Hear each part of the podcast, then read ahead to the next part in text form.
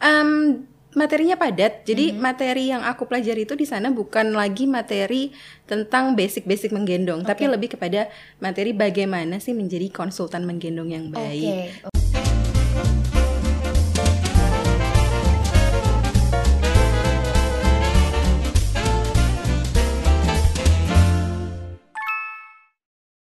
Mbak Irsa Rizka Putri. Assalamualaikum. Waalaikumsalam. Muda dan berbahaya gitu ya. Mbak Irsa mudanya yang berbahaya aku. Ini adalah eh, ibu muda yang katanya kamu eh, konsultan baby wearing, bener ya? Hmm, iya betul. Konsultan menggendong lebih tepatnya gak sih? Hmm, betul. Jadi kamu itu eh, ibu nih. Ah, iya. Anak sudah berapa? Ah, mau tiga.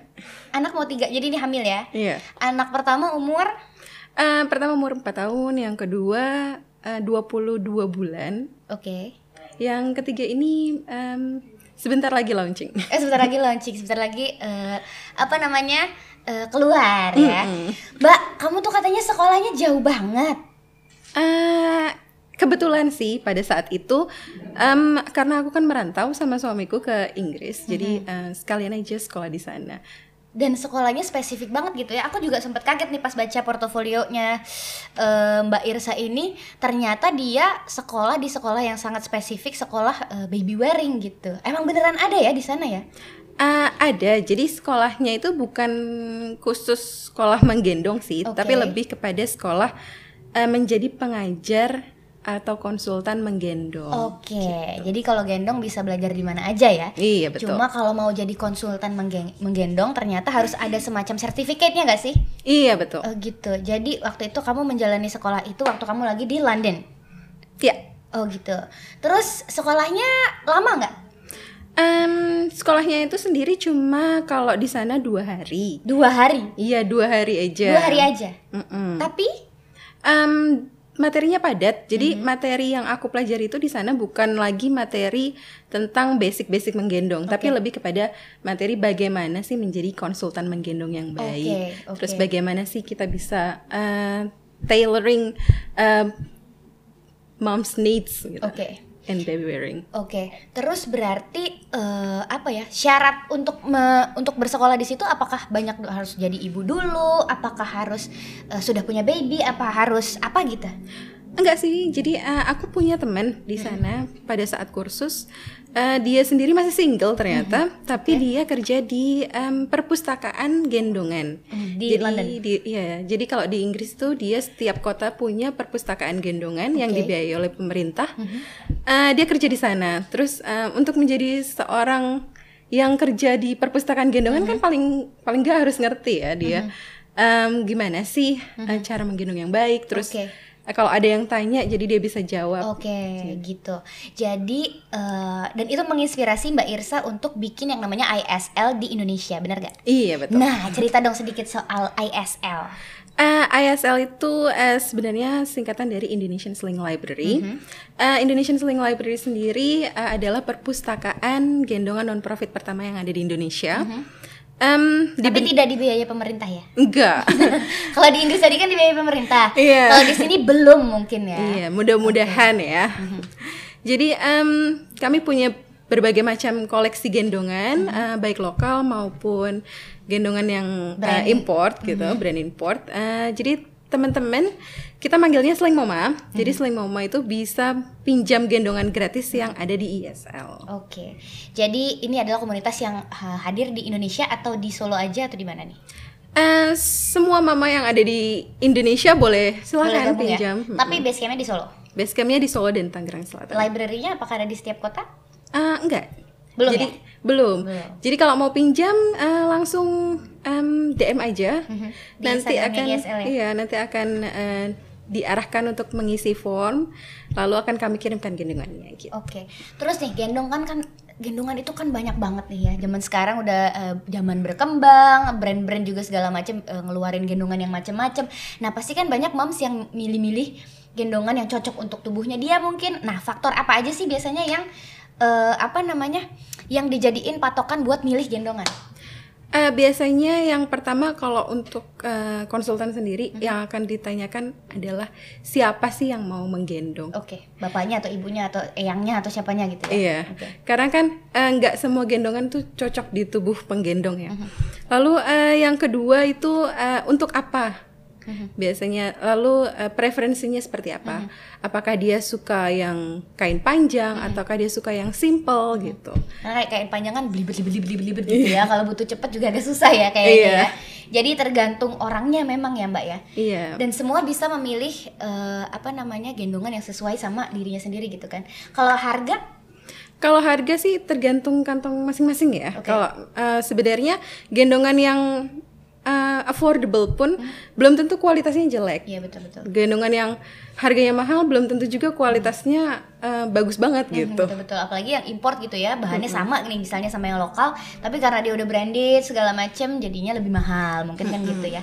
Dan ada prestasi gak sih kalau misalnya pakai gendongan yang mahal? Wih ini ibu gendongannya itu di mereknya gitu kan? Iya. Kayaknya jadi fashion juga gak sih gendongan tuh menurut Mbak Irsa? Uh, iya iya banget ya. Kalau ada ada salah satu jenis gendongan yang namanya woven wrap, uh -huh. uh, dia motifnya uh, macam-macam terus uh, jenis tenunnya juga macam-macam mm-hmm. dan harganya juga macam-macam mm-hmm. uh, jadi itu um, buat kolektor biasanya dia akan um, kolektor oh my god kolektor iya. gendongan dong ada iya ada kolektor woven red tuh biasanya uh, setiap ada launching baru, launching baru, dia baru, baru gitu dibeli gitu ya.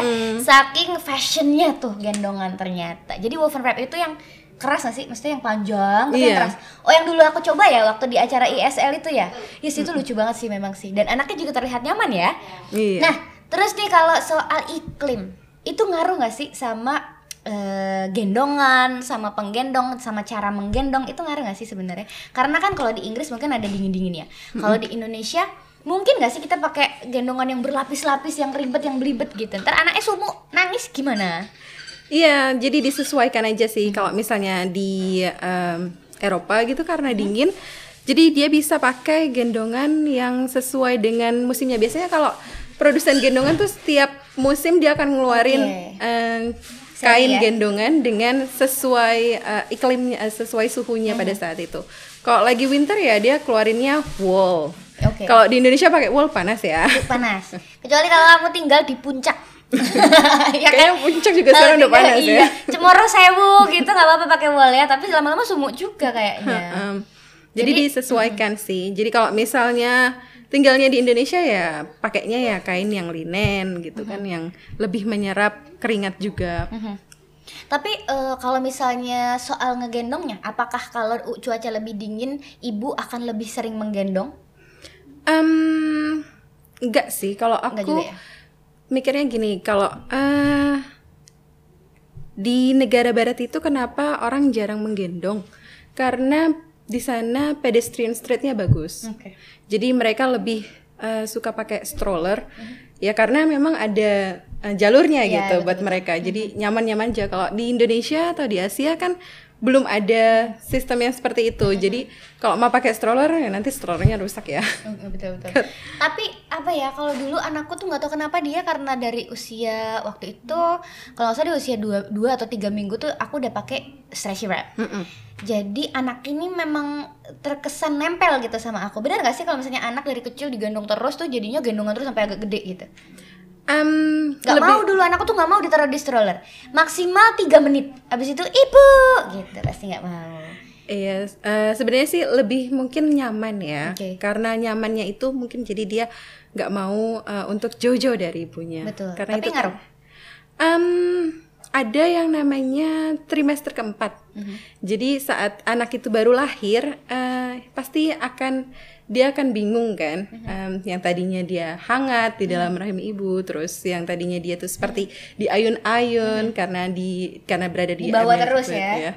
Uh, terus tiba-tiba di dunia ini yang luas ramai terus bising um, apa ya cahaya di iya, mana-mana. Ya, jadi dia merasa asing. Mm -hmm. Jadi dia butuh seseorang atau butuh ibunya atau uh, orang terdekatnya untuk membuat dia merasa nyaman okay. gitu yang yang mana dalam pelukan saat si bayi itu dalam pelukan saat digendong Mm-hmm. itu kan dia akan eh, merasakan seperti saat dia di dalam. Iya kandungan. betul ya, dia denger detak jantung ibunya juga kayak waktu di dalam gitu. Dia merasa nempel, posisinya juga kalau misalnya pakai stretchy wrap kan M shape yang benar-benar kayak dia di perut mungkin ya. Iya, Jadi betul. dia merasa mungkin seperti masih ada di dalam. Tapi eh, apa ya?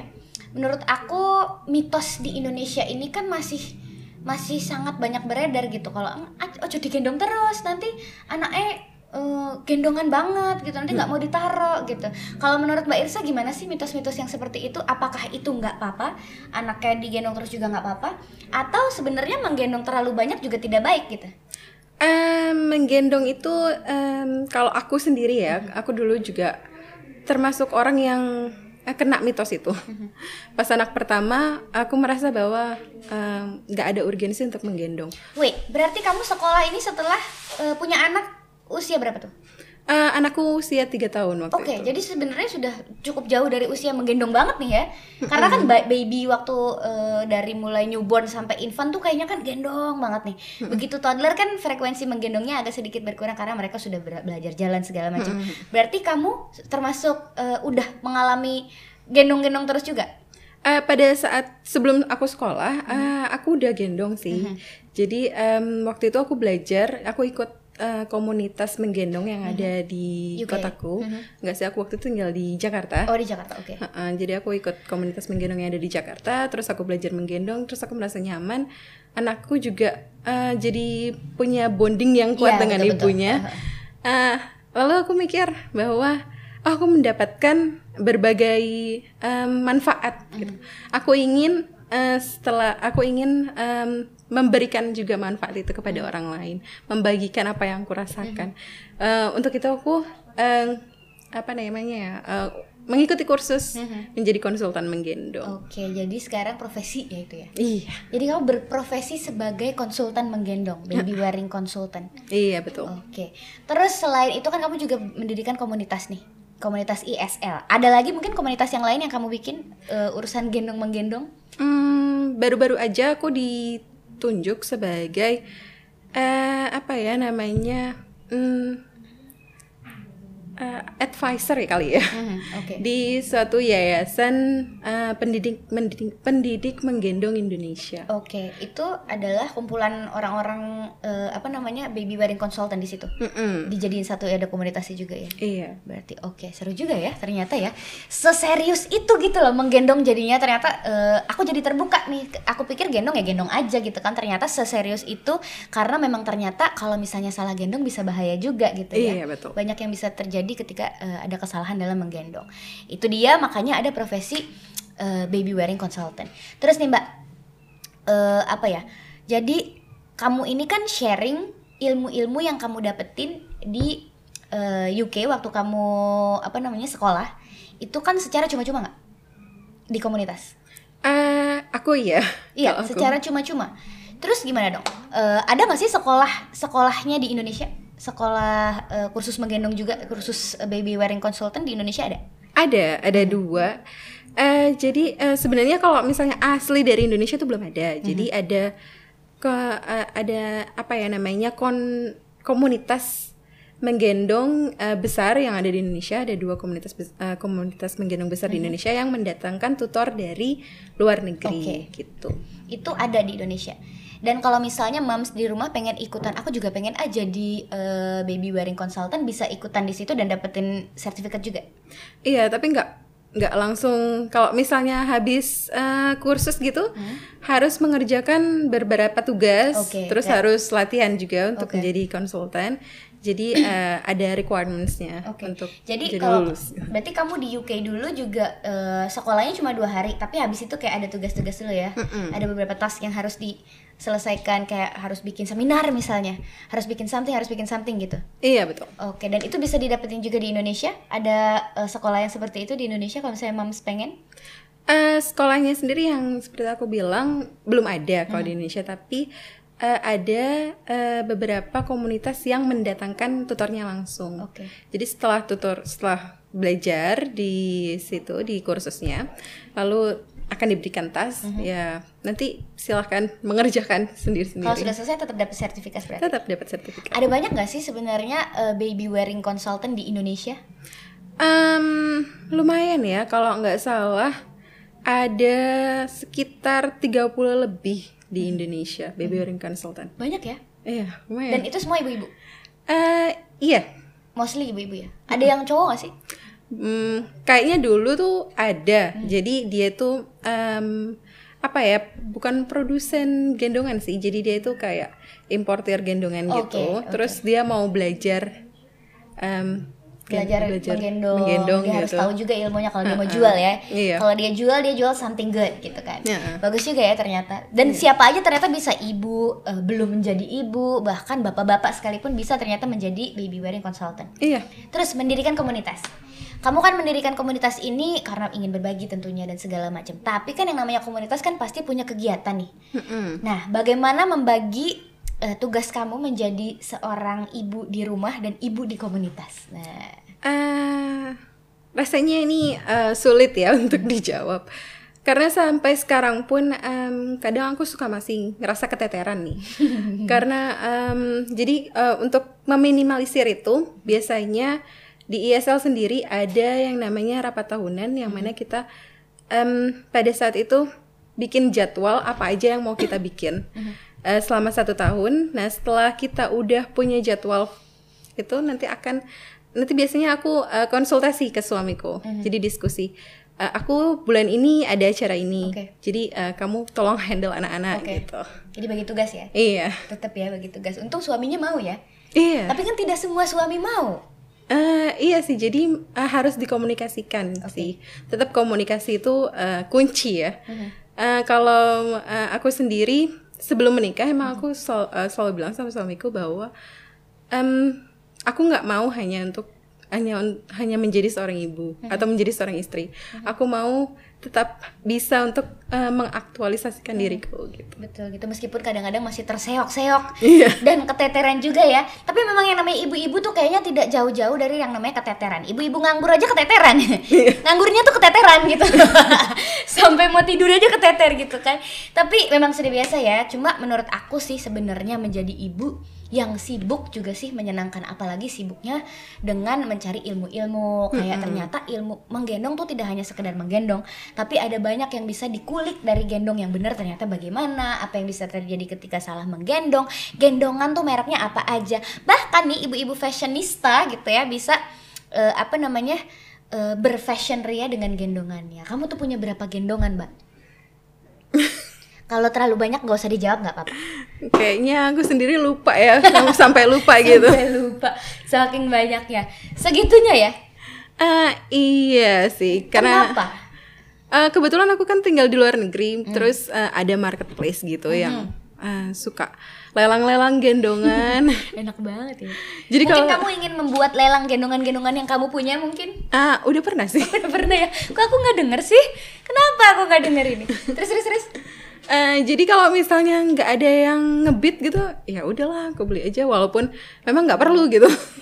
iseng ya iya. jadi iseng jadi koleksi tapi bermanfaat kan Eh, iya untuk karena banyak banget koleksinya maka aku bikin ISL ini. tapi nggak takut impulsif shopping Ah, Kayak udah lapar sih, mata udah. doang ya oke Udah ternyata ya? memang impulsif shopping ya Iya. Cuman mikir juga sih kalau misalnya normal price aku nggak beli. Iya, karena mahal ya biasanya Iya. gendongan-gendongan apalagi. Aduh, merek-merek yang itu tuh ya. Kayaknya eh, tidak mungkin eh, kita bisa afford kalau tidak diskon. Apalagi kalau dilelang gitu ya. Terus eh, kamu up to date terus. Maksudnya kan pasti ngeluarin lagi, ngeluarin lagi, ngeluarin lagi. Baru harus beli, baru harus beli atau eh, yang lama juga nggak apa-apa. Eh, aku sih eh, yang available aja di market. Oke. Jadi kalau misalnya walaupun eh, baru tapi nggak nggak masuk di kantong ya skip aja. Oke. Terus kamu ini eh, bolak-balik ke UK nggak? Ah nggak sih saat ini nggak. Eh, dulu-dulu bolak-balik tapi. Iya. Waktu itu sudah ada komunitas? Eh, di Indonesia. Mm-mm. Eh, di Indonesia sendiri eh, udah ada komunitas menggendong. Kayaknya sebelum anakku lahir udah ada. Enggak maksudnya kamunya. Kamu bikin Oh, komunitas, komunitas ini, ini. terus sempat bolak-balik nggak?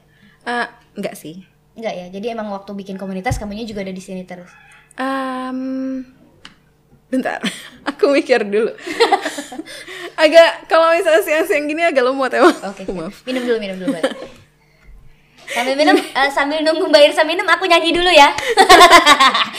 Enggak, jadi maksud aku kan eh, pasti sulit ya berkoordinasi gitu. Kalau misalnya kamu ada di UK terus komunitasnya di sini teman-teman sementara foundernya Mbak Irsa sendiri gitu.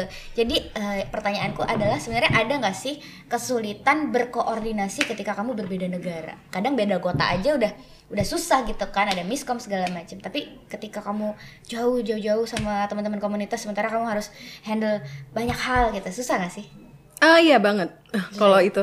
Eh, biasanya sih kendalanya pada waktu ya. Kalau Hmm. misalnya sini sama UK kan 7 jam. oke beda Jadi temen jam ya temanku tuh udah ngobrol macem-macem terus aku tuh baru bangun, baru memproses gitu.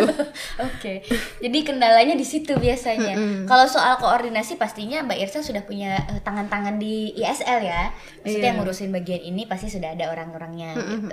Terus kalau sama suami, ini kan suami lagi di UK. Terus ini anak-anak sama siapa? Eh, ada di rumah sama kakek neneknya. Oh gitu, ada ada eyang-eyangnya juga berarti aman ya. Karena aku juga eh, seseorang yang berkoordinasi bersama suami juga. Jadi kalau misalnya aku ada ada kegiatan kayak gini tuh anak juga sama suami gitu. Ketika aku terpisah kota dengan suami agak bingung juga sih sebenarnya ini anak mau dititipin ke siapa gitu. Jadi ada eyangnya juga. Mm-mm. Oke aman. Apalagi sih kendala menjadi ibu dan berkomunitas. Kamu tuh suka banget berkomunitas ya berarti? Em, iya sih, soalnya kalau jadi eh, ibu aja gitu di rumah dengan rutinitas yang itu-itu aja kan pasti pusing ya, Boring ya. boring, terus eh, stres juga. Nah, Tapi kalau punya anak terus aku butuh orang dewasa gitu kan kayaknya ya. Betul betul betul betul. Jadi sesuka itu berkomunitas. Iya, kan bi- biar nambah juga ya, nambah nambah teman, terus juga bisa nambah pengetahuan gitu. Kayaknya rasanya tuh kalau em, bisa melakukan sesuatu yang bermanfaat tuh jadi eh, achievement sendiri gitu. Betul, rasanya bangga dengan diri sendiri gitu. betul betul betul tapi eh, tidak takut eh, digibahin karena kan yang namanya ibu-ibu ya apalagi ibu-ibu yang sama-sama mencari kegiatan gitu. Di rumah eh, kalau misalnya di rumah tuh kadang-kadang ya kalau aku ngelihat orang eh, ibu-ibu sekitar aku yang nggak ada kegiatan tuh kayak mereka cenderung lebih ngomongin orang. Eh apa ya apalagi satu komunitas banyak kayaknya pasti bisa diomongin ya kan? Jauh nggak dari itu. Apa sih eh, kamu dekat dengan itu nggak? Dekat dengan gibah? Em, aku orangnya cuek ya, maksudnya ya whatever you say, Oke. uh, I won't take it in, I won't take it in my heart gitu. Tapi bener nggak komunitas dan ibu-ibu itu pasti tidak jauh-jauh dari gibah. Ada aja sih pasti, ya orang kayak gitu. Maksudnya eh, nggak di dalam komunitas pun, misalnya tetangga juga ada juga yang kayak gitu. Jadi em, ya eh, bijak-bijak aja sih untuk cari temen. Kalau misalnya tahu orangnya kayak gitu ya udah cukup tahu aja. As long as tidak merugikan secara signifikan gitu ya, maksudnya yang menjatuhkan nama baik lah atau bahkan finansial sebuah komunitas jadi rusak gara-gara satu orang gitu, baru harus concern ya kan. Terus closing statement soal menjadi ibu dan berkomunitas dari Mbak Irsa mungkin? Ah, sebentar, aku agak mikir. Oke, minum lagi boleh? Kalau mikir minum kayaknya Mbak Irsa ya. Ah, apa ya? Em, eh, kalau aku sendiri menjadi seorang ibu itu nggak harus melulu soal anak, nggak harus melulu mengerjakan pekerjaan rumah dan suami, tapi menjadi ibu itu harus bahagia. Eh, lakukanlah sesuatu yang membuatmu bahagia. De, kalau misalnya dengan berkomunitas itu membuatmu bahagia, eh, lakukan itu gitu. Eh, walaupun eh, awalnya terseok-seok, mungkin nanti akan ketemu ritmenya dan kalau kamu bahagia pasti keluargamu juga akan bahagia. Yeay, terima kasih Mbak Irsa sudah bergabung di Mom Stock. Semoga kita diketemuin lagi di kesempatan lainnya. Terima kasih juga ilmu soal menggendongnya. Semoga komunitasnya eh, lancar, ilmunya juga sampai ke Mom. Semoga eh, apa ya eh, ISL ini bisa bermanfaat bagi semua ibu di Indonesia. Amin. Terima kasih sampai jumpa di Mom Stock episode berikutnya. Terima kasih.